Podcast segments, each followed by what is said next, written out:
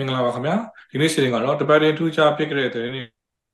ကိုပြန်လည်ဆွေးနွေးသုံးသပ်တင်ဆက်ပေးမယ် DPP Weekly Student ကျက်စီစဉ်ဖြစ်ပါတယ်ဒီစီစဉ်ကတော့ကျွန်တော်ပီတာအောင်နဲ့လူ DPP ကဝိုင်းတဲ့သမားတွေဖြစ်တဲ့ဥမောင်တူဦးတောင်းဝင်းထွန်းနဲ့မရေးမဲ့လို့နဲ့လူတင်ဆက်ပေးသွားမှာဖြစ်ပါတယ်အားလုံးပဲမင်္ဂလာပါခင်ဗျာဟုတ်ကဲ့အခုသတင်းပတ်တွေမှာတော့ထူးခြားတဲ့သတင်းဖြစ်စဉ်တွေကဒီကုလသမဂ္ဂလူမျိုးရေးကောင်စီမှာမြန်မာရေးကိုခါပိတ်ဆွေးနွေးခဲ့ကြပြီးတော့သမရဦးဝင်းမင်းနဲ့နိုင်ငံတော်တာမင်ကပုဂ္ဂိုလ်တော်ဆန်းစုကြည်တို့ပါဝင်နိုင်ငံရေးကျင်းသားတွေအားလုံးပြန်လည်ပေးဖို့ဒါတရုတ်နဲ့ရုရှားကလွဲပြီးတော့ ဖွဲ့ဝင်နိုင်ငံ73နိုင်ငံကကြီးညာချက်ထုတ်ပြန်တောင်းဆိုလိုက်တဲ့တဲ့။နောက်မြန်မာပြည်သူတွေပေါ်မှာဒီလေကြောင်းတိုက်ခတ်မှုမှာတုံးပြတဲ့ဒီလေရင်စီတွေကိုဒီစစ်တပ်အတွက်ထောက်ပံ့ပေးနေတဲ့လူပုဂ္ဂိုလ်နေအောင်နဲ့စင်ကူခြေဆိုင်ကုမ္ပဏီသုံးခုကဒါအမေရိကန်ကဒါပိတ်ဆို့တန်ခတ်ရေးလိုက်တဲ့တဲ့။နောက်မြန်မာပြည်ပခဖြစ်ရှိမှုတွေသက်ဆိုင်သူအားလုံးပါဝင်တဲ့ဒီဆွေးနွေးညှိနှိုင်းမှုတွေဖြစ်အောင်ဆက်ပြီးကြိုးပမ်းသွားမယ်လို့အင်ဒိုနီးရှားနိုင်ငံသားဝန်ကြီးကပြောဆိုလိုက်တဲ့တဲ့။နောက်မြန်မာလူထုထံကိုဒီလူသားချင်းစာနာမှုအကူအညီတွေထိထိရောက်ပေး နိုင်မှုအတွက်စစ်ကောင်စီနဲ့ပဲဆက်ဆံမနေပဲနဲ့တိုင်းသားဖွဲ့တွေနောက်ပြင်မှာရှိတဲ့ရပ်ဖက်ဖွဲ့စီနဲ့ပူးပေါင်းဆောင်ရွက်ဖို့ဆိုပြီးတော့မြန်မာစစ်ကောင်းဆောင်နဲ့ဒီနေပြီးတော့မှသွားတွေ့ခဲ့တဲ့ UNO ချာအကြီးအကဲကိုဒါလူမှုဖွဲ့စည်းပေါင်း900ကျော်ခါပူးပေါင်းပြီးတောင်းဆိုလိုက်တာရှိပါတယ်။နောက်မကွေးတိုင်းကမြို့နယ်တချို့မှာတော့ AR မြေကြီးပြီးတော့စာတင်ကျောင်း26ကျောင်းတော့ပိတ်ထားရတဲ့တဲ့ရှိပါတယ်။နောက်လက်စစ်မီပြက်လို့ဒါဝေဖန်ခဲ့တဲ့ hip hop ဆိုတော့ view ဟာထောင်ဒဏ်20ချမှတ်ခံရတာ နောက်စကိုင်းတိုင်းကဒီအင်းတော်မြို့နယ်မှာတော့ဒါ PDF တွေကိုလက်နက်ရိတ်ခါတောက်ပိုက်နေဆိုတဲ့ဆွဆွဲခြင်းနဲ့ဒေသခံ၄ယောက်ကိုစစ်ခေါ်ရုံကနေပြီးတော့တည်တံချမှတ်ခဲ့တဲ့သတင်းတွေရှိပါတယ်။နောက်တစ်ခါဒီစီးပွားရေးသတင်းတွေမှာတော့ဒီကုန်စည်နှုန်းတွေအစမတန်မြင့်တက်နေရတာဒီစီးပွားရေးသမားတွေရဲ့မတော်လောပါကြောင့်ဖြစ်တယ်ဆိုပြီးစစ်ကောင်စီကသတင်းစာရှင်းလင်းပွဲမှာပြောဆိုပြတင်ဝေဖန်ခဲ့တာရှိပါတယ်။နောက်မြန်မာစီအုပ်စုနဲ့ဆက်နွယ်တဲ့ဒီစင်ကူကုမ္ပဏီတွေကိုရေးယူပေးဖို့ဆိုပြီးတော့အဖွဲ့အစည်းပေါင်းနေရာကျော်ကတောင်းဆိုခဲ့တာ ဟောနိုင်ငံတကာဒီငွေပေးချေမှုနဲ့ဒီငွေစင်းရှင်းလင်းမှုတွေမှာထိုင်းဘတ်နဲ့ဆောင်ရွက်ခွင့်ပြုလိုက်ပြီးနောက်မှာပြည်ရင်းမှာဒါထိုင်းဘတ်ငွေဝယ်စုဆောင်းမှုတွေများလာပြီးတော့မြန်မာကျပ်ငွေရလည်းတန်ဖိုးစံချိန်တွေကျဆင်းသွားတဲ့သတင်းရှိပါတယ်။နောက်နိုင်ငံတကာသတင်းတွေမှာတော့ဒီအာကာသရင်ဒီအိန္ဒိယကဆေလုခဲမှာဒီလာပေါ်မှာရှိတဲ့တောင်ရိုးစုံမျက်နှာပြင်ပေါ်အောင်မြင်မြင်ဆင်းသက်နိုင်ကြလို့ဒါအိန္ဒိယပြည်သူတွေအောင်ပွဲခံနေကြတဲ့သတင်းရှိပါတယ်။နောက်ရုရှားကြီးစားတပ်ဖွဲ့ဒီဝက္ကနာဖွဲ့ခေါင်းဆောင်လိုက်ပါတဲ့ လေရင်ပြကြပြီးတော့အသက်ရှင်သူမရှိဘူးဆိုပြီးတော့ရုရှားလေကြောင်းအာဏာပိုင်တွေကပြောဆိုခဲ့တာ။နောက်ပြပမှာဒီနှစ်ပေါင်းများစွာဖပီလင်းဆောင်တွေထိုင်းဝန်ကြီးချုပ်ဟောင်းသက်စင်တာထိုင်းနိုင်ငံကိုပြန်ရောက်တဲ့နေ့မှာပဲထိုင်းနိုင်ငံရဲ့အယောက်30မြောက်ဝန်ကြီးချုပ်ဖြစ်တာဖွေတိုင်းပါတီကိုယ်စားလှယ်ကွန်စတေတာထဝီစင်တာပြည်ပမရှိပြီးကောက်ခံတဲ့သတင်းရှိပါတယ်။နောက်တစ်ချိန်ထဲမှာလည်းပဲကမ္ဘောဒီးယားဘက်မှာလည်းဒါအာနာရှင်ဟွန်ဆိုင်ရဲ့တားဖြစ်တဲ့ဟိုမာနတ်ဝန်ကြီးချုပ်ဖြစ်တာဒီကောက်ဒီမြောက်ခံပြီးတာဝန်စပြီးထမ်းဆောင်နေတဲ့အားရှိပါတယ်။ အခုသတင်းမှာတော့မြန်မာသတင်းတွေရောကမ္ဘာသတင်းတွေရောပြောကြရည်အများကြီးရှိမယ်ထင်ပါတယ်ပထမဆုံးဒီစစ်ကောင်စီရဲ့သတင်းစာရှင်းလင်းပွဲသတင်းတွေပဲစကြင်ပါတယ်လက်ရှိမြန်မာပြည်ထဲမှာဒါငွေကြေးမြန်မာကျပ်ငွေတန်ဖိုးကလည်းဒါစံချိန်တင်ထိုးကြပြီးတော့ဒေါ်လာဈေးတွေရွှေဈေးတွေနောက်အခြေခံစားတောက်ကုန်ဈေးနှုန်းတွေကလည်းဒါမြင့်တက်နေတာရှိပါတယ်ဒါနဲ့ပတ်သက်ပြီးတော့ဒီစစ်ကောင်စီဘက်ကတော့စီးပွားရေးသမားတွေဗန်လုပ်ငန်းရှင်တွေကိုဒါပြည်တင်ဝေဖန်သွားတာရှိပါတယ်အဲ့တော့ဒါနဲ့ဒီကိစ္စနဲ့ပတ်သက်ပြီးတော့မင်းမင်းမေအရင်ဆုံးသုံးသပ်ဆွေးနွေးပြပါလားခင်ဗျာ ဟုတ်ကဲ့ကိုပီတာအဲ့တော့ဒါပြီးခဲ့တဲ့ရက်ပိုင်းကသူတို့လုပ်ခဲ့တဲ့ဒါ20ကြိမ်မြောက်သတင်းစာရှင်းလင်းပွဲလို့ပြောတာပေါ့နော်အဲ့ပွဲမှာတော့ဒါအာဒီဘဏ်ကိစ္စတွေပါတယ်သူတို့ပြောသွားတဲ့မှာဒေါ်လာကိစ္စတွေပါတယ်နောက်ပြီးလို့ရှိရင်ဒါ NLD ကမဲခိုးလို့အာဏာသိမ်းရပါတယ်ဆိုတဲ့ကိစ္စတွေကိုထပ်ထပ်ပြီးတော့ပြောခဲ့တာရှိတယ်နောက်ဒီအဲဒီပေါ့နော်အဲဒီတွေ့ဆုံဆွေးနွေးမှုတွေဖြစ်လာမယ်ဆိုလို့ရှိရင်ဟာလာအကြမ်းဖက်တာတွေရက်ပြီးတော့ဟာလာကဘာတိဝန်ခံရမယ်ပေါ့ဒါမှတွေ့ဆုံဆွေးနွေးတာတွေဖြစ်မယ်ဆိုပြီးတော့ပြောခဲ့တာတွေ ပါတာပေါ့နော်ဆိုတော့ဥမာဆိုလို့ရှိရင်ဒါဘဏ်ကိစ္စဆိုလို့ရှိရင်တော့ဟာလာဒီဘဏ်တွေကကျေးဇူးကမ်းတယ်ဆိုပြီးတော့ပြောသွားတာလည်းရှိပါတယ်ဆိုတော့ကျေးဇူးကမ်းတယ်ဆိုတဲ့နေရာမှာအဓိကတော့ဒါကဟိုဘယ်လိုပြောမလဲဒီဟိုဒေါ်လာပေါ့နော်ဒေါ်လာဈေးတွေကတက်တဲ့အခါကျတော့ဟာလာသူတို့ကနေပြီးတော့ဒေါ်လာကိုဒီ ယ်လောက်ထိတက်သွားလဲဆိုတာ NLD လက်ထက်တုန်းကဆိုလို့ချင်းဒီ1300လောက်ကနေပြီးတော့အခုဆို3900လောက်ဖြစ်သွားတယ်ပေါ့နော်အဲ့တော့အဲ့ဒါမှသူတို့ကနေပြီးတော့ဒါကိုသူတို့ထုတ်ပြီးတော့ရောင်းပေးတယ်မိုဘန်ကထုတ်ရောင်းပေးတယ်2900နဲ့ထုတ်ရောင်းပေးတဲ့ဟာကိုအပြင်မှာ3500လောက်ထိရောင်းနေတယ်ဒါကြောင့်မလို့ဒါဂျေစုကန်တယ်ဆိုတဲ့ပုံစံမျိုးနဲ့အဲပြောတာရှိတာပေါ့လေဒါမဲ့ဆိုတော့ ဒါဒါဒါကျေးဇူးကမ်းတာလားဒီကိစ္စဟိုဘယ်လိုပြောမလဲဒါကတော့ဘဏ်ကတော့ဘဏ်အလုပ်လုပ်မယ်နောက်ပြီးလို့ရှိရင်ငွေကြေးစည်းကွက်မတည်ငြိမ်တဲ့အခါကျတော့ကိုယ်ငွေရတန်ဖိုးမရှိတဲ့အခါကျတော့ဒါဟိုဒေါ်လာအရန်ရှားသွားပြီလေဒေါ်လာအရန်ရှားသွားတဲ့အခါကျတော့ဒေါ်လာကိုဒေါ်လာရဲ့ဈေးကပုံမှန်ဈေးလို့ပြောလို့မရဘူးပေါ့နော်3500နဲ့ပြောနေရင်3600 ပေးဝယ်တဲ့လူရှိရင်ရောင်းရောင်းမှပြီးရင်3900ကျွန်တော်တို့ကြားဆို3900လောက်ထိဖြစ်သွားတယ်လို့ကြားတယ်ဒါပေမဲ့တကယ်တမ်းဒါကြီးဖြစ်တာကကြတော့ကိုယ်နဲ့ပဲဆိုင်နေပေါ့နော်ကိုက legitimacy မရှိလို့ဖြစ်တာပေါ့နော်တကယ်တမ်းကျတော့ဟုတ်ပြီဒီလိုပြဿနာမျိုးတွေပေါ်နေတယ်ဟာလာတိုင်းပြည်ပေါ်မှာတကယ်ကောင်းစေချင်တယ်ဆိုလို့ရှိရင်ဟာလာခေါင်းချုပ်ခံမနေနဲ့လေဒါကဒေါန်ဆန်းစုကြည်ကိုသူ့ဘာသာသူအချုပ်ခံပြီးတော့ဒေါန်ဆန်းစုကြည်ရှင်းလိမ့်မယ်အဲ့တော့ဒေါန်ဆန်းစုကြည်ကိုပြန်ပေးလိုက်ပေါ့နော်ဆိုတော့အဲ့တော့အဲ့လိုလည်းမဟုတ်ဘဲနဲ့အဲဟိုဟိုလူကိုပြစ်တင်လိုက်ဒီလူကိုပြစ်တင်လိုက်အဲ့ဒီထဲမှာကိုကတော့မပါဘူးပေါ့ကိုကတော့အရင်ကောင်းတယ်ဆိုတဲ့ပုံစံမျိုးတွေနဲ့ပေါ့နော်ဆိုတော့အဲအဲ့ဒါမျိုးတွေလုပ်နေတာလည်းရှိတယ်ဒါသတင်းစာရှင်းလင်းပွဲတိုင်းမှာကျမတို့ကြားနေရတာပေါ့နော်ဆိုတော့ငကိုတဲကပဲဒီကသူတို့ကသူတို့အနေနဲ့ကြတော့ဒီတောင်ပြီးခဲ့တဲ့ NLD ဆိုကလက်ထက်တုန်းကကြတော့လေအရန်ဖေပါရသူတို့ရခဲ့တာတွေရှိတာပေါ့ဗျာကျမတို့နှစ်တန်းတုန်းကဖတ်ခဲ့ရတယ်ဟာလာတရက်ကိုရွှေဥအဲတဦးစီဥနေတဲ့ဘဲငန်းကိုဘဲဘဲငန်းကိုဖမ်းပြီးတော့ချက်စားတယ်ဗျာအခုနောက်ဆုံးကြတော့ဘာမှမရတော့ဘူးပေါ့ငွေကြောက်ကိုက်နေတဲ့အနေထားပေါ့ဆိုတဲ့အခါကျတော့ဒီပြီးခဲ့တဲ့ ဒါဒီလိုဖြစ်နေတဲ့အနေအထားမှာနောက်ဆုံးကြတဲ့အခါကျတော့ဒါက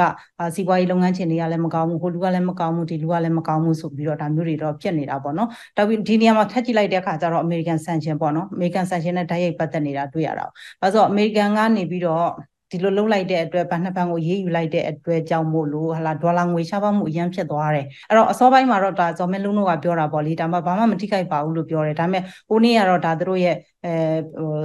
ဘန်ဘန်နိုင်ဝင်ကြီးပေါ့ဗျာဥမ္မာမဝင်းကတော့ပြောသွားတော့ထိခိုက်တယ်ပေါ့နော်နောက်ဒါစင်ကာပူက UOB ဆိုလို့ရှိရင်လည်းပိတ်ထားတာရှိတယ်ဘင်္ဂလားဒေ့ရှ်မှာအပိတ်ခံရတာရှိတယ်နောက်ပြီးလို့ရှိရင်ဒါဒါနဲ့ပတ်သက်ပြီးသူတို့ဘက်ကပြောတာတော့တံပြန်မယ်လို့ပြောတာပေါ့နော်ဒါဘယ်သူကိုတံပြန်မလဲဆိုတာတော့မသိဘူးအမေရိကန်ကိုတံပြန်မှာလားပါလားဒါတော့မသိဘူးဒါတော့ဆိုရင်တော့သမ္မတဘိုင်ဒန်တော့တော်တော်ကြောက်နေမလားမသိဘူးနောက်တစ်ခုကဒီဟိုးစာပေါ့နော်ဒီ ဒီထိုင်းနိုင်ငံဒေါန်ဆန်းစုကြည်နဲ့ထိုင်းနိုင်ငံသားရေးဝန်ကြီးနဲ့တွေ့ဆုံဆွေးနွေးတဲ့ကိစ္စမှာလဲဟလာဒေါန်ဆန်းစုကြည်ကတို့တို့ဘာတွေဆွေးနွေးတယ်ဆိုတာကိုမသိပါဘူးဆိုတဲ့ပုံစံမျိုးသူပြောပြောသွားတာတွေတွေ့တာပေါ့နော်ကိုကိုင်ကရှင်ကဖွင့်မပြောလို့တို့မသိရပါဘူးလို့ပြောတယ်ပေါ့နော်အဲ့တော့ထိုင်းဘက်ကတော့ပြောပြတယ်လို့လည်းပြောတယ်ဒါပေမဲ့ဘာပြောလဲဆိုတာကိုတော့လည်းမပြောဘဲနဲ့အဲ့လိုမျိုးတစ်ခုခုကိုထိန်ချန်ထားပြီးတော့စကားလှမ်းကြောင်းလွှဲလိုက်တာတွေ့တယ်ပေါ့နော်ဆိုတဲ့အခါကျတော့ဒါကိုစဉ်းစားကြည့်ရင်ဟိုထိုင်းနိုင်ငံသားရေးဝင်ကြီးဆိုတာကတကယ်တမ်းကျတော့ဟိုဒီနိုင်ငံနဲ့ပါဆိုင်လို့လဲပေါ့နော် အခုဖြစ်နေတဲ့ပြဿနာထိုင်းနိုင်ငံသားရေးဝင်ကြီးနဲ့ဖြစ်နေတဲ့ပြဿနာလည်းမဟုတ်ဘူးထိုင်းနိုင်ငံသားရေးဝင်ကြီးနဲ့ဒေါအောင်ဆန်းစုကြည်နဲ့ဆွေးနွေးတဲ့ပြဿနာကိုသူတို့ပဲသိမယ်ကိုမသိပါဘူးဆိုတဲ့ ခါကြတော့ဒါတွေကတလွဲတွေတော့ဖြစ်နေတာပေါ့လေနောက်တစ်ခုကဒီတွေးဆုံဆွေးနွေးတဲ့ကိစ္စနဲ့ပတ်သက်ပြီးတော့မေးတာရှိတယ်မေးခိုင်းမေးခိုင်းနဲ့မေးခိုင်းတာနေမှာပေါ့နော်အဲ့တော့မေးလိုက်တယ်မေးတဲ့ခါကျအဲ့ဒီမှာဗာပြန်ပြောလဲဆိုတော့ဟလာဒီအာနာမသိခင်ကပဲသူတို့ဘက်ကတွေးဆုံဆွေးနွေးမှုကိုဟလာသူတို့ကန်လှန်ခဲ့ပါတယ်မအောင်မြင်ဘူးပေါ့နော်မဲစင်းတွေကိုစစ်ဖို့ဆိုပြီးတော့ကန်လှန်တာလည်းမအောင်မြင်ဘူးပေါ့နော်ဘာလို့စစ်မှလဲဆိုတဲ့အခါကျတော့သူတို့က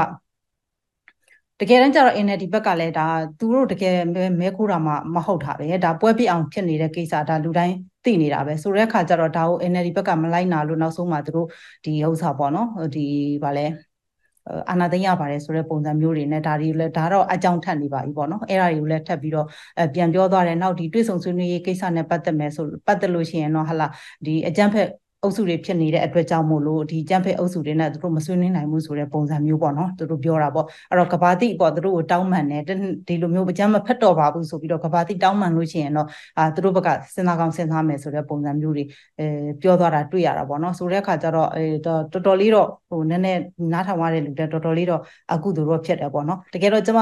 တခုတော့တော့မေးချင်တယ်ဟုတ်တယ်ဟိုဘယ်လိုပြောမလဲဆိုတော့ဟုတ်တယ် NLD ကမဲခိုးသွားတယ်ဆိုလို့ချင်းအခု UN ကိုခေါ်လိုက်ပြီးတော့ရွေးကောက်ပွဲပြန်လုပ်လိုက်လေအဲ့တော့စောစောဆုံးကပြောသလိုဟိုအခန်းချင်းလေးတွေတဲ့ဝင်မနေနဲ့တော့ပြောင်းမဲမဲဘုံထောင်ပြီးတော့ဟိုဒေါ်နန်းခင်ထွေးမြင့်ပြောသလိုမဲဘုံထောင်ပြီးတော့ပြောင်းမဲမဲပေးခိုင်းလိုက်အဲ့ဒါဆိုခိုးလာမခိုးလာသိလိမ့်မယ်ဆိုတော့အဲ့လိုလည်းမဟုတ်ဘူးမဟုတ်ဘဲနဲ့တစ်ချိန်လုံးမဲခိုးပါတယ်မဲခိုးပါတယ်နဲ့တစ်ဖက်သားကိုအဲ့လိုမျိုးစမီယာကင်ပိန်းလုပ်နေတာပေါ့နာမည်ဖြစ်နေတာပေါ့နော်အဲဆိုတဲ့အခါကျတော့ဒီလိုသတင်းစာရှင်းလင်းပွဲတွေကအမှန်တမ်းပြောလို့ရှိရင်တော့ကျမတို့သတင်းသမားဖြစ်လို့ဒါကျမတို့နားထောင်နေရတယ်အကယ်တမ်းကျတော့နားမထောင်ခြင်းဘူးတော်တော်အကုသို့များပါတယ်ဟုတ်ကဲ့ပါ ဒီတစ်ချိန်ထဲမှာပဲဒီကလပ်တမ်ကလုံတွဲကော့စီမှာလည်းညီမရေဒီကဘေးနေဝဲတာကျပါကြတာရှိပါတယ်ဒီချိန်ဆွေးနွေးပွဲမှာမှထူးခြားရှိမယ်ဆိုတော့ကိုမောင်တို့ဆက်ပြီးတော့ဆွေးနွေးသုံးသပ်ပေးပါလားခင်ဗျဒီကလပ်တမ်ကလုံတွဲကော့စီရဲ့ဒီကဘေးဆွေးနွေးပွဲဆိုတော့သူတို့ဆွေးနွေးကြတဲ့ဟာဒီကတော့အတိအကျတော့မသိရဘူးဗျာဒါပေမဲ့ဩဂုတ်လ23ရက်မှာလုပ်ခဲ့တဲ့ဒီကဘေးဆွေးနွေးပွဲကတော့မြန်မာအရေးကြီးတဲ့ဒီသိရတဲ့အားလုံးအနှစ်ချုပ်မှဆိုရင်တော့ဒီမပြည့်ဒီဒေါ်ဆန်းစုကြည်ဦးဝင်းမြင့်ပါဝင်တဲ့ချင်းသားတွေအားလုံးကိုအမြန်ဆုံး လွတ်ပေးဖို့ပေါ့နော်အဲလွတ်ပေးဖို့နောက်ပြီးတော့ဒီဒီလူခွင့်ရေးတွေကိုလေးစားလိုက်နာဖို့ဒီစစ်ကောင်စီအာဏာသိမ်းစစ်ကောင်စီနေနဲ့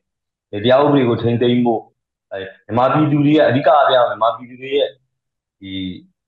ဆန္ဒကိုလေးစားဖို့ပေါ့နော်ဒါတွေကိုဒီလူရင်းကောင်စီကတိုက်တွန်းတယ်ဆိုရင်ကြေညာချက်တော့ထွက်လာတာပေါ့ဒီ12နိုင်ငံလို့ပြောပါတယ်ဒီဒီ73နိုင်ငံပေါ့နော်နှစ်နိုင်ငံကျန်တယ်ပေါ့တရုတ်နဲ့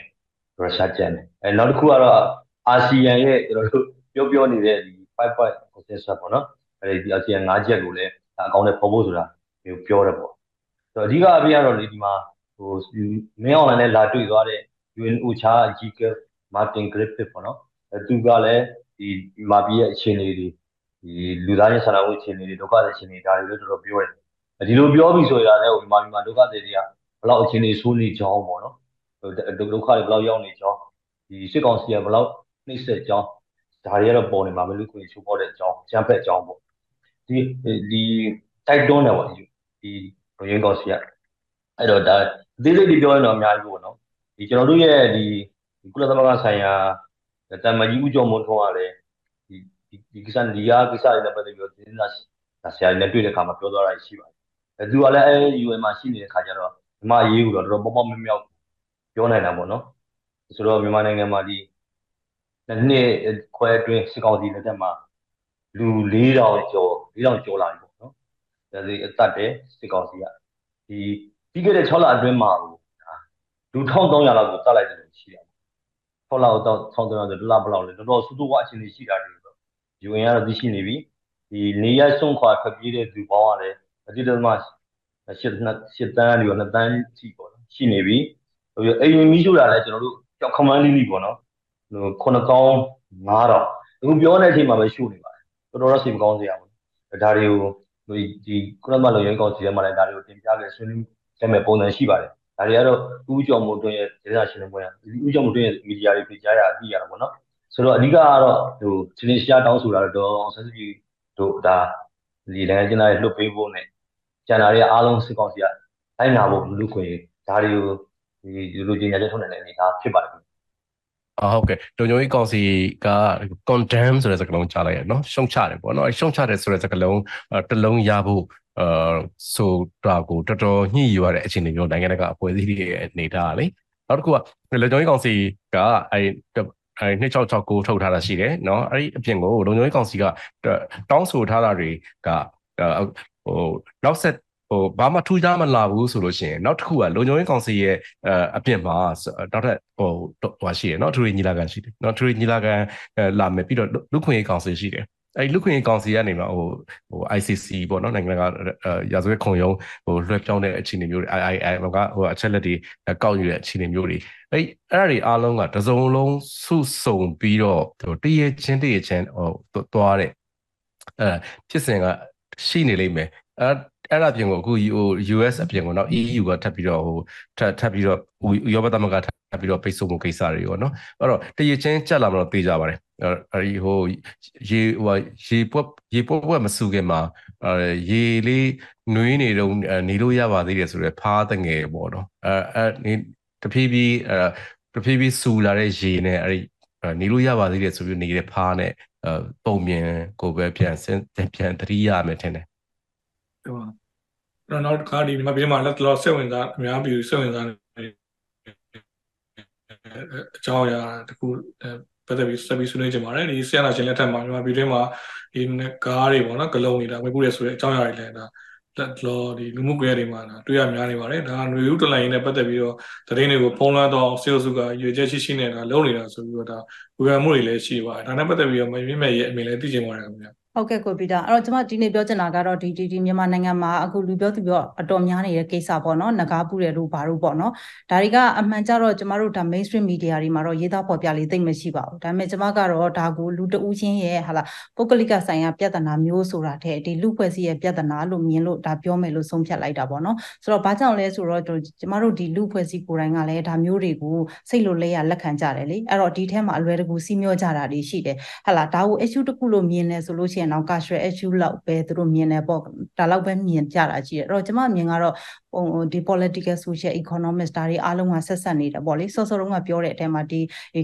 cultural ဆိုတာကတော့ဒီ social အောက်မှာရှိနေတာပေါ့လေအဲ့တော့ကျမဒါစဉ်းစားကြည့်မယ်ဆိုလို့ရှိရင်ဒီလိုငကားပူရဲဆိုတဲ့ကိစ္စကိုကျမတို့ဒါသမရိုက်ဦးသိန်းစိန်လက်ထက်မှာတုန်းကလည်းကျမတို့တွေ့ခဲ့တာတွေရှိတယ်နောက်ပြီးတော့ဒီဒီဒီငကားခေါင်းလောင်းကိစ္စတွေပေါ့ဗျာရေထဲကနေဆယ်တယ်တို့ဘာတို့ညာငကတိုက်တွေရှိတယ်ဘာညာဆိုပြီးပြောခဲ့ပြီးတော့အဲ့တုန်းကလည်းအဲဥပ္ပတောင်းနေဖြစ်ခဲ့ကြအလေးရှိတယ်ပေါ့နော်ဒါကိုတစ်ခါပြန်ကြည့်လိုက်တဲ့အခါကျတော့ကျမတို့အဲ့လိုစစ်တပ်နိုင်ငံရေးအုပ်စုတွေအာဏာရလာတဲ့ကာလမျိုးတွေမှာဒါတွေပေါ်ပေါက်လာခဲ့ပေါ်ပေါက်လာတတ်တယ်ပေါ့နော်အဲ့တော့ဒီတနည်းအားဖြင့်ကြည့်ရင်လည်းမြန်မာနိုင်ငံဟာဒီဘာသာရေးကိုနိုင်ငံရေးနဲ့ရောထွေးပြီးအသုံးချတဲ့နိုင်ငံမျိုးလည်းဖြစ်နေတော့ဒါကသတိထားစရာတွေအများကြီးရှိတယ်ပေါ့နော်ဆိုတော့အစင်လာအားဖြင့်လည်းဟာလာလူတွေကိုအာယုံပြောင်းစေခြင်းနဲ့ဆိုလို့ရှိရင်ခေါင်းလောင်းကြီးတို့ငကတိုက်တို့စသဖြင့်ပေါ်လာတတ်တယ်ပေါ့နော်ဒါကိုကျမတို့ဒါစနစ်တကျစာပေးလုပ်ဖို့တောင်ကောင်းတယ်လို့ထင်တယ်အထူးသဖြင့်ပေါ့နော်ဒီအာဏာရှင်အစိုးရဒီရဲ့ဇယိုက်တဘာဝကိုယ်တိုင်ကလည်းဟာလာသူတို့ legitimacy ရဖို့အတွက်ဆို story တွေလောက်ကြတာရှိတယ်အမှဘယ်သူတွေကတော့ဘယ်ဘဝကဗာမင်းကြီးဖြစ်တယ်ဆိုတာမျိုးတွေနဲ့ပေါ့နော်တိုက်ဆက်တို့ပတန်းဆက်တို့ဘိုးတော်တွေနဲ့ဘာညာအခုသွားနေတဲ့ပုံစံကိုလည်းကြည့်လေဒါဘိုးတော်တွေနဲ့ပဲသွားနေတာ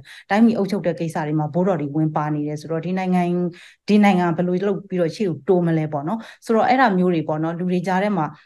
ဒီလိုဝါဒဖြန့်တာတွေရှိတယ်လို့အခုလည်းအဲ့လိုပုံစံမျိုးနဲ့သွားနေကြတာကြီးတွေ့တာပေါ့နော်အခုဆိုလို့ရှိရင်ဒါဒါဖះကြီးလည်းပြီးတော့ငကားကြီးကပေါ်လာပြန်ရောဆိုတဲ့ခါကျတော့ဒါတွေကဘာတွေလဲပေါ့နော်အဲ့တော့ကျမတို့တေချာစဉ်းစားကြည့်လို့ရှိရင်ဟာလာ အာကျမစဉ်းစားကြည့်တယ်ရှေ့တိုးလို့မရလို့နောက်ပြန်ဆုတ်သွားကြတာလားဟာလာဒီလက်တွေ့ဘဝထဲမှာမပျော်မွေ့ကြလို့ကိုနီကိုဟန်နဲ့ကိုဟာကိုထွက်ပေါက်ချတာလားဒါလည်းဖြစ်နိုင်တယ်ဆိုတော့ဘာကြောင့်လဲဆိုတဲ့အခါလူတွေကအခုချိန်မှာအယံမွန်ကြက်နေတယ်အထွေထွေကြက်တဲမှုတွေအောက်မှာစိတ်တွေကိုယ်တွေစိတ်တွေကငယ်နေကြတာပေါ့နော်ငယ်နေကြတဲ့အခါကျတော့ဒါဒီစဉ်းစားကြည့်အများကြီးဖြစ်လာတယ်ငကိုကလေးကလူအဖွဲ့အစည်းကမနှဲလို့ထားတဲ့လူအဖွဲ့အစည်းအတွေးခေါ်အားစအများကြီးဆင်းရဲတယ်ဟာလာကိုမွေးဖွားရနေရကိုယ့်ကွက်ကလေးကိုပဲဟာလာစက်ကြဝဠာရဲ့ဗဟိုချက်လို့ယူဆပြီးတော့ဒီနေရာမှာပဲတိုင်ပတ်နေကြတာဒီနေရာမှာပဲနတ်ဖြစ်လိုက်လူဖြစ်လိုက်ဟာလာတကြားဖြစ်လိုက်အဲ့လိုဖြစ်နေကြတဲ့အနေအထားမျိုးတွေပေါ့နော်အဲဖြစ်နေကြတဲ့အခါကျတော့အခုကတော့အဲ့လိုအဲ့အနေအထားကနေပြီးတော့ဖောက်ထွက်လာပြီးကမှဒိုင်းဆိုအခုကတော့အဲ့ဘက်ကိုပြန်ပြီးတော့ရောက်သွားတာလည်းတွေ့ရတယ်အဲ့တော့နောက်တစ်ခုရှိတာကဒါမှမဟုတ်လို့ချင်းလဲဒါကစိတ်ယောဂလားပေါ့နော်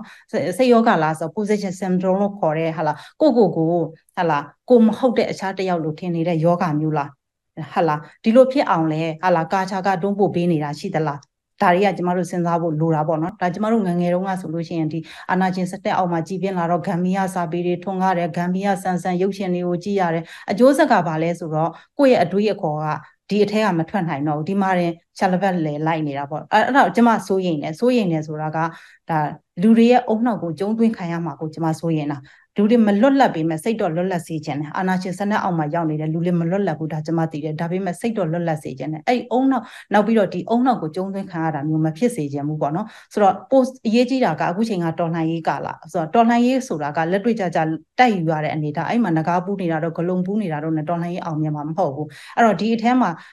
ဘဲလူတွေကအချိန်ကုန်သွားတယ်ဆိုလို့ရှိရင်တော့အာနာရှင်တွေကပိုကြိုက်မှာပဲအဲ့တော့လူတွေအားလုံးလည်းကိုယ့်အညွန်ကိုမချိုးဖို့လိုတယ်ကိုယ့်အင်အားကိုကိုယုံကြည်ဖို့လိုတယ်အဲ့တော့နောက်ဆုံးပြောချင်တာကအာနာရှင်စနစ်အောက်ကလွတ်မြောက်ဖို့ဆိုရင်အတွေ့အခေါ်ဟောင်းနေဆွဲလန်းယုံကြည်မှုအဟောင်းတွေကိုစွန့်ပစ်မှရမယ်ဆိုတာအဲ့ဒါလေးကိုပဲကျွန်မပြောချင်တာပါ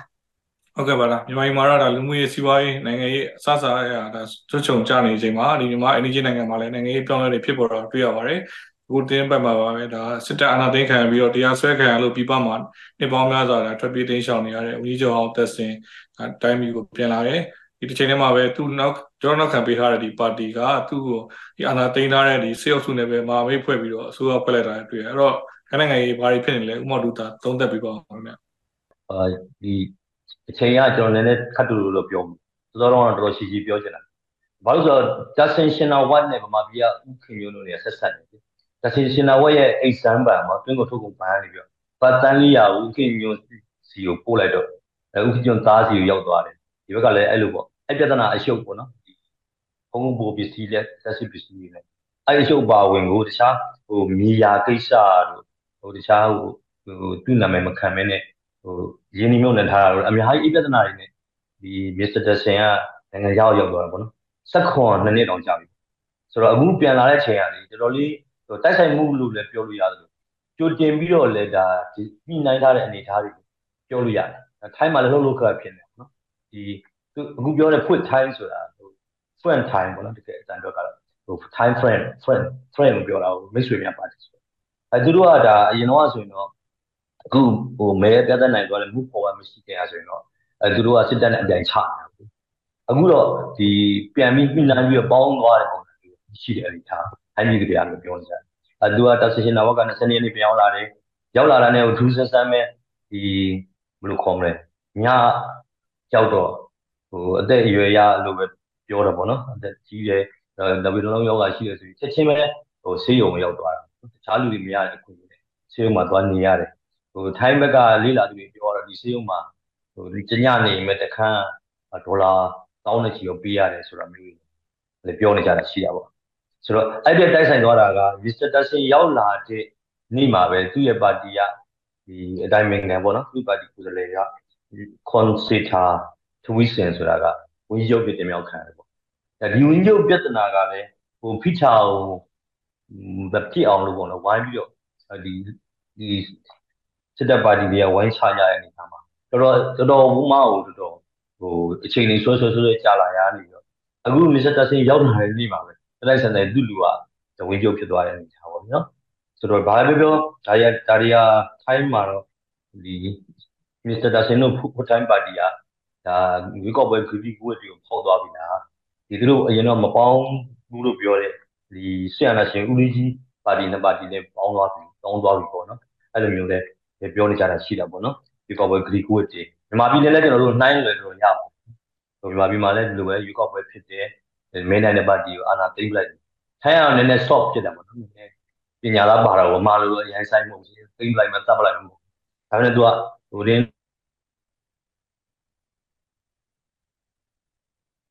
နော်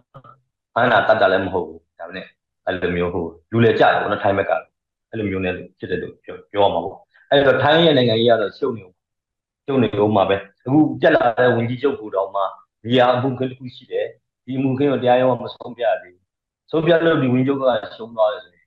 ဒီဒီဝင်ကြီးချုပ်ကပြုတ်သွားနိုင်ကြီးရှိတယ်ဆိုထိုင်းမှာလည်းအဲ့လိုပေါ့နော်ဝင်ကြီးချုပ်ဒီကိုစစ်တပ်နဲ့ဖြုတ်လိုက်အာဏာသိမ်းလိုက်အဲ့ဒါလည်းရှိတာပေါ့ဒီနေရာမှာကျွန်တော်သမိုင်းကြောင်းလေးနဲ့ပြန်ပြောရရင်တော့ထိုင်းက1932နှစ်ကစပြီးတော့စီးမင်းခံဘီစနစ်ဖြစ်လာတာပေါ့နော်တတမယာမဘင်းဒါဟိုချုပ်ချပြီးတော့အဲ့ဒီတဲကနေပြီးတော့ကျွန်တော်တို့ဒီအခုထိအာနာသိမ့်မှုတွေအချိန်အများပြားဖြစ်တယ် ဒီဖွဲ့စည်းပုံအခြေခံဥပဒေလည်းအချိန်နဲ့10လောက်ပြန်ပြီးတော့ဒါပြင်ရပြုရတာရှိတာပေါ့အဲ့တော့ထိုင်းပြည်သူတွေနဲ့1930ခုနှစ်ကစပြီးဦးလောက်ဒီနှစ်90ကျော်လောက်ဒီစစ်တပ်နဲ့ကြားထဲမှာလုံဆွဲပွဲတွေကတော့ရှေ့ကိုဆက်ရှိနေမဲ့အနေအားလို့သုံးသပ်နေကြပါတယ်ဟုတ်ကဲ့ပါဒီတစ်ပတ်မှာပဲတခြားနေကဘာသတင်းတွေမှာလည်းစိတ်ဝင်စားစရာသတင်းများပြားရှိပါတယ်ဒါဒါနဲ့ပတ်သက်ပြီးတော့ကိုတောင်းတော့ဆက်ပြီးတော့ဆွေးနွေးပေးပါဦးဗျာ အော်ဒီဒီအပိုင်းတော့ဒီအပိုင်းတော့သတင်းကောင်းစင်တွေသတင်းထိပ်စီးတွေကတော့အော်သတင်းထိပ်စီးတွေအဲ့လိုပြူပြဲတွေတောက်လျှောက်တွေ့ရတယ်ဗျာအဲ့ဒီပြင်ကိုအာတချို့သတင်းတွေထက်ခါထက်ခါတွေ့ရတယ်အဲမှာအော်ထိတ်ဆုံးအမြဲတွေ့နေရတာပေါ့နော်အခုပြီးပြီးခဲ့တဲ့နိုင်ပိုင်းပဲကျွန်တော်တို့တွေ့လိုက်တာဒီ Trump ပေါ့နော် Trump ကစရုပ်ထအကြိမ်မြောက်ဖမ်းခံရတာပေါ့နော်ဟုတ်ကဲ့ဟို indictment ခေါ်တယ်နော်သူဒီဒီချိန်ထူးကြတာက ဒီဒီချိန်ထူးကြတာကသူဒီထောင်ထဲကိုဝင်လိုက်ပြီးတော့သူအဲ့ဒီသူ mark shot လို့ခေါ်တာပေါ့ဗျာ passport ဓာတ်ပုံလို့ပြောလေဒီဟိုထောင်ချက်ထောင်ထဲကိုဝင်ရတဲ့သူတွေကိုရိုက်တဲ့ mark shot ပေါ့နော်အဲ့အဲ့ဓာတ်ပုံရိုက်ခံရတယ်လက်ဝေးအမှတ်သားတွေယူခံရတယ်ပေါ့ဗျာဒါပေမဲ့ခဏနေတော့အာမခံနဲ့ပြန်လွှတ်တယ်ပေါ့ဗျာဒေါ်လာ2သိန်းလောက်အဲရှိမယ်။နောက်သူ Trump နဲ့အတူဒီ Georgia ပြည်နယ်ပေါ့နော်။အဲ Georgia ပြည်နယ်ဒီ Atlanta မြို့မှာအာဟိုရွေးကောက်ပွဲကိုဟို ရွေးကောက်ပွဲကိုကြောင်းပြန်လှန်ခြင်းတယ်ကြောင်းပြန်လှန်ပစ်လိုက်မယ်ဆိုတော့ကိစ္စရေနောက်ပြီးတော့ rocketeering ပေါ့နော်အကျိုး rocketeering လို့သုံးတယ်ပေါ့နော်ဒီအကျိုးမြတ်တစ်ခုရဖို့အတွက်ကိုအစုလိုက်ပြုံလိုက်ပေါင်းပြီးတော့ကြံစီကြတာဆိုတော့အားလုံးအားလုံးပေါင်း16ယောက်အားလုံးပေါင်း19ယောက်ဒီအမှုက73မှုဆွဲထားတာပေါ့နော်ဒီဂျော်ဂျီယာပြည်နယ်မှာတခုလေးနေနော်ရှေ့မှာလည်းတော့3 3မှုရှိသေးတယ်အခုကစရုပ်ထချိန်မြောက်ပေါ့နော်ဒီထောင်ထောင်ထောင်ထဲမှာအာလာပြီးတော့ surrender လုပ်ရတယ်တော့ဖမ်းခံရတယ်ပေါ့နော် အခုအာမခံကတော့လွတ်သွားပြီပေါ့အဲနောက်ဒါကဒီ American သမ္မတအစဉ်အဆက်ထုံးစံပါဒါပထမအဦးဆုံးဟိုရာဇဝင်တွင်တဲ့ဖြစ်စဉ်တစ်ခုပေါ့နော်အဲ့တော့တော်တော်ဘာတွေဆက်ဖြစ်မလဲနောက်လာမယ့်နှစ်ရွေးကောက်ပွဲ2024ရွေးကောက်ပွဲဘာတွေဆက်ဖြစ်မလဲအဲသူ့ကိုအဲ Republican အနေနဲ့ဒီ Trump supporter တွေထောက်ခံသူတွေကတော့ဒါဟာသူ့ကိုနိုင်ငံရေးရလောက်ကျမှုဖြစ်တယ် witch hunt ပေါ့နော်ဒီစုံအဲ့လိုမလှဆုံးယိုးပေါ့နော်ဆုံးအဆုံးလို့ဆွဆွဲတယ်ပေါ့နော်အဲအဲ့ဒီသဘောမျိုး အဲပြောဆိုနေတွေ့တယ်နောက်ထပ်ဒီသတင်းကောင်းတဲ့မှာသူအဲထက်ကထက်ကတွေ့နေရတော့ precozin လို့ခေါ်တာပေါ့နော် precozin ဒီကျေးစားတပ်ဖွဲ့ခေါင်းဆောင် precozin လေရင်သူ့ရဲ့ကိုယ်ပိုင်ဂျက်လေရင်ကျရုရှားမှာပစ်ချခံရတယ်ပစ်ချခံရတာကအာဘလူးဘလူးကိုတန်အပြစ်အပြစ်တင်နိုင်လဲဆိုတော့ဒီရုရှားရုရှားစစ်တပ်ကပစ်ချတာပဲပေါ့လေ အဲအဲ့လိုပဲပြောတာပေါ့ဒါပေမဲ့ယူကရိန်းကပစ်ချတယ်ဆိုပြီးတော့သတင်းတွေလည်းထွက်တယ်ယူကရိန်းကိုဆွဆွဲတာရှိတယ်ယူကရိန်းကလည်းမဟုတ်ဘူးလို့ညင်းထားတာရှိတယ်နောက်ပြီးတော့ဒီ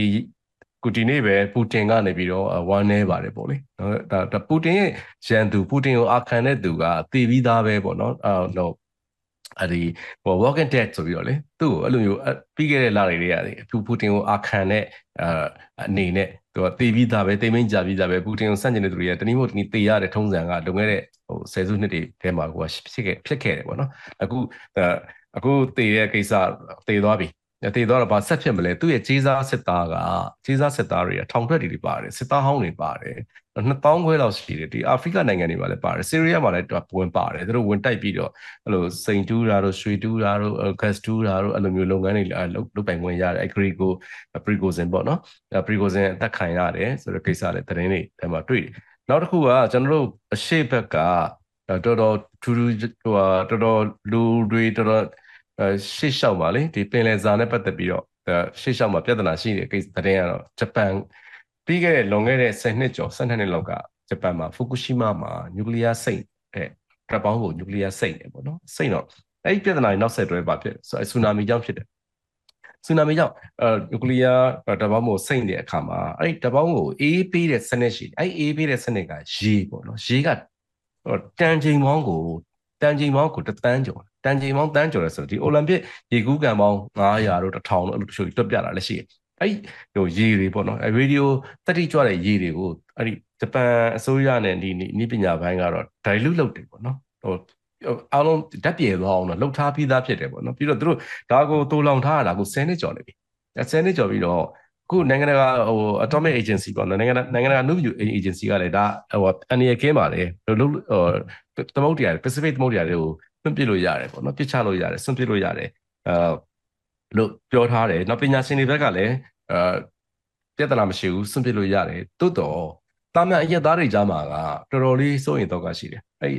ဂျပန်ရဲ့အရှိဘက်ကအဲ့ Pacific သမုဒ္ဒရာဘက်မှာနေထိုင်တဲ့ဂျပန်တန်ငါတွေတွေဆိုလဲတော်တော်စိုးရင်တယ်အခုအဲ့ဒီ နောက်ဆက်တွဲကတရုတ်ကတော်တော်လေးပြင်းပြင်းထန်ထန်ဒေါသထွက်တယ်ကိုရီးယားကစန့်ကျင်တယ်အဲ့ဒီဂျပန်ဟိုနျူကလ িয়ার တတိရေဒီယိုတတိကြွတဲ့အာရေပေတန်ချိန်ပေါင်းတန်းနဲ့ချီပြီးတော့အဲ့ဒါကလည်းချက်ချင်းအကုန်လုံးဖြစ်တာမဟုတ်ဘူးเนาะနောက်ထပ်10စုနှစ်ချို့ဆိုရင်အဲ့လို20 30ကြာပေါင်းနိုင်တယ်လို့ခံမှန်းတာရှိတယ်အပြင်အဲ့သူကပိုက်နေပေါ့เนาะဒီ Pacific ကအဝေးဂျပန်ကမ်းနဲ့အဝေးကြီးကိုနည်းနည်းချင်းအာစပြီးတော့ထုတ်နေပြီအဲစပြီးတော့ထုတ်မယ် အဲ့တော့ဘာဖြစ်လဲဆိုတော့ဒီတရုတ်ကချက်ချင်းပဲဂျပန်ကလာမဲ့အာစီဖူပေါ့နော်ပင်လယ်စာတွေကိုပိတ်လိုက်တယ်ပိတ်တယ်တော့ဒီတရုတ်တို့ဟောင်ကောင်တို့ထိုင်ဝမ်တို့ဒီဒီနိုင်ငံတွေကဂျပန်ကထုတ်တဲ့ဒီပင်လယ်စာသူသဖြင့်ကြာအဲဟိုဆူရှီတွေမှာပါတဲ့ဟိုဆယ်မွန်လို့ပေါ့နော်အဲ့လိုအဲ့လိုမျိုးဒေါ်လာဒေါ်တန်ဒေါ်လာကိုဘီလီယံနဲ့ချီပြီးတော့အဲနှစ်စဉ်တင်ပို့နေတဲ့ဟာကတော်တော်လေးကိုထိခိုက်မဲ့ပုံစံဖြစ်တယ်အဲ့တော့အဲ့ဒီ Pacific ကလာတဲ့ အကုန်လုံးရောသမမှွေပြီးတော့ဗောနော်အကုန်လုံးတင်းကြုံပြီးတော့ပိတ်ခံရတာတစ်ချက်ရှိတယ်နောက်ပြီးတော့ဂျပန်နိုင်ငံမှာပင်လင်ရဲ့ဒီပြည်သူလူထုကြားမှာဗောနော်စီစီးဖို့တွေစားတဲ့ဆက်ပြီးတော့စားတဲ့မစားတဲ့ကလေးတွေကိုကျွေးတယ်မကျွေးတယ်ဆိုတာမျိုးတွေလူလူကြားမှာတော်တော်လေးကိုအငင်းပွားနေကြတာမျိုးတွေနောက်ဆက်တွဲကျွန်တော်တို့ထပ်ပြီးတော့ရှုပ်ရှက်ခတ်နေတာမျိုးတွေကျွန်တော်တို့ကြားကောင်းကြားနိုင်တယ်အဲ့တော့ပညာရှင်တွေကတော့လုံခြုံနေတိတ်မစိုးရင်လို့ပြောတယ် နော်တိုးတော့ဒီအရက်သားတွေကြားထဲမှာနောက်ပြီးတော့ဒီနိုင်ငံအာတွေကြားထဲမှာပေါ့နော်တရုတ်ကလည်းဂျပန်နဲ့ကိုရီးယားအဆင်ပြေတာမဟုတ်ကိုရီးယားကလည်းသိအဆင်ပြေဘူးတိုးတော့ပြီးခဲ့တဲ့ရက်ပိုင်းတွေကပဲပြီးခဲ့တဲ့ပတ်တွေကပဲဒီဂျပန်အာဂျပန်ခေါင်းဆောင်နဲ့ကိုရီးယားခေါင်းဆောင်နဲ့တောင်ကိုရီးယားခေါင်းဆောင်နဲ့အမေရိကန်သမ္မတနဲ့တွေ့ပြီးတော့သူတို့သူတို့မဟာမိတ်လောက်ရမယ်တရုတ်ကတရုတ်ကရန်ကိုဟိုဟိုရင်ဆိုင်ဖို့အတွက်ပေါ့နော်အဲ့တော့ဒီကိုရီးယားတော့တိတ်ပြင်းပြင်းထန်ထန်မပြောဘူး ဆိုတော့ပညာရှင်တွေရှုထောင့်ရဲ့ဂျပန်ဆိုရရဲ့အဲ့လိုဆုံးဖြတ်လိုက်ရတဲ့အခြေအနေရဲ့လူလူတွေကြားတွေကဒီအများနဲ့ဆိုင်တဲ့နားလည်ဖို့ပေါ့နော်အဲ့ဒီအခြေအနေကတော်တော်စီးပွားရေးရရောကျန်းမာရေးရှုထောင့်ရရောဒီဒီ